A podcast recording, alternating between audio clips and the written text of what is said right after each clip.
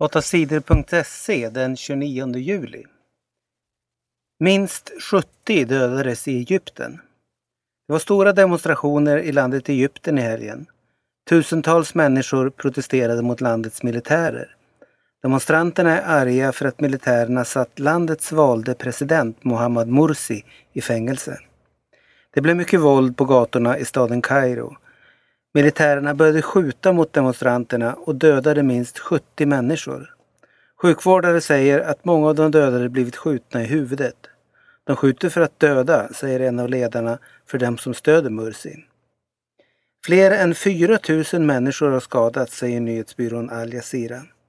Militärerna säger att de som stöder Mursi måste sluta protestera på gatorna. Men demonstrationerna fortsatte hela helgen. Tyskland vann fotbolls-EM. Tyskland är mästare igen. Det tyska laget vann EM-finalen mot Norge med 1-0. Anja Mittag sköt segermålet. Men det var Tysklands målvakt Nadine Angerer som blev finalens stora hjältinna. Norge fick två straffar och Angerer klarade båda. Angerer har bara släppt in ett enda mål i hela EM-turneringen.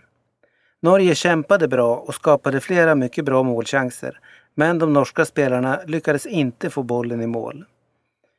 41 300 personer såg EM-finalen på Friends Arena i Stockholm. Många döda i bussolycka i Italien. En buss körde av vägen i Italien på söndagen. Bussen krockade med andra bilar. Sedan störtade den ner för ett stup. Minst 37 människor dog i olyckan. Flera människor är allvarligt skadade Tre av dem är barn.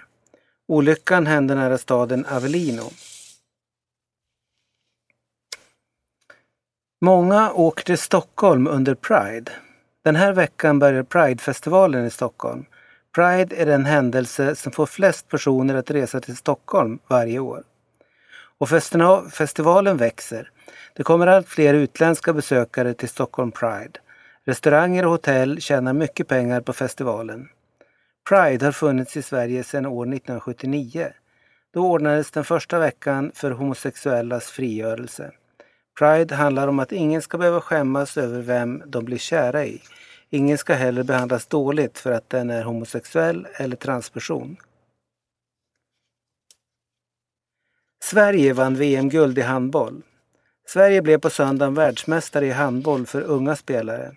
Sveriges killar vann VM-finalen mot Spanien med 28-23. Sverige vann alla sina nio matcher i VM-tävlingen för spelare under 21 år. Stora demonstrationer i Tunisien. Politikern Mohammed al-Brahimi blev ihjälskjuten vid sitt hus i landet Tunisien i torsdags. I helgen begravdes han. Tiotusentals människor var med när hans kista fördes genom gatorna i staden Tunis. Efter begravningen blev det nya demonstrationer. Mohammed al-Brahimi var motståndare till landets regering. Många i Tunisien tror att regeringen var inblandad i mordet på al-Brahimi. Tunisiens inrikesminister säger att mördaren ska gripas och straffas. För ett halvår sedan mördades en annan politiker. Han heter Chokri Beled och var också motståndare till landets regering.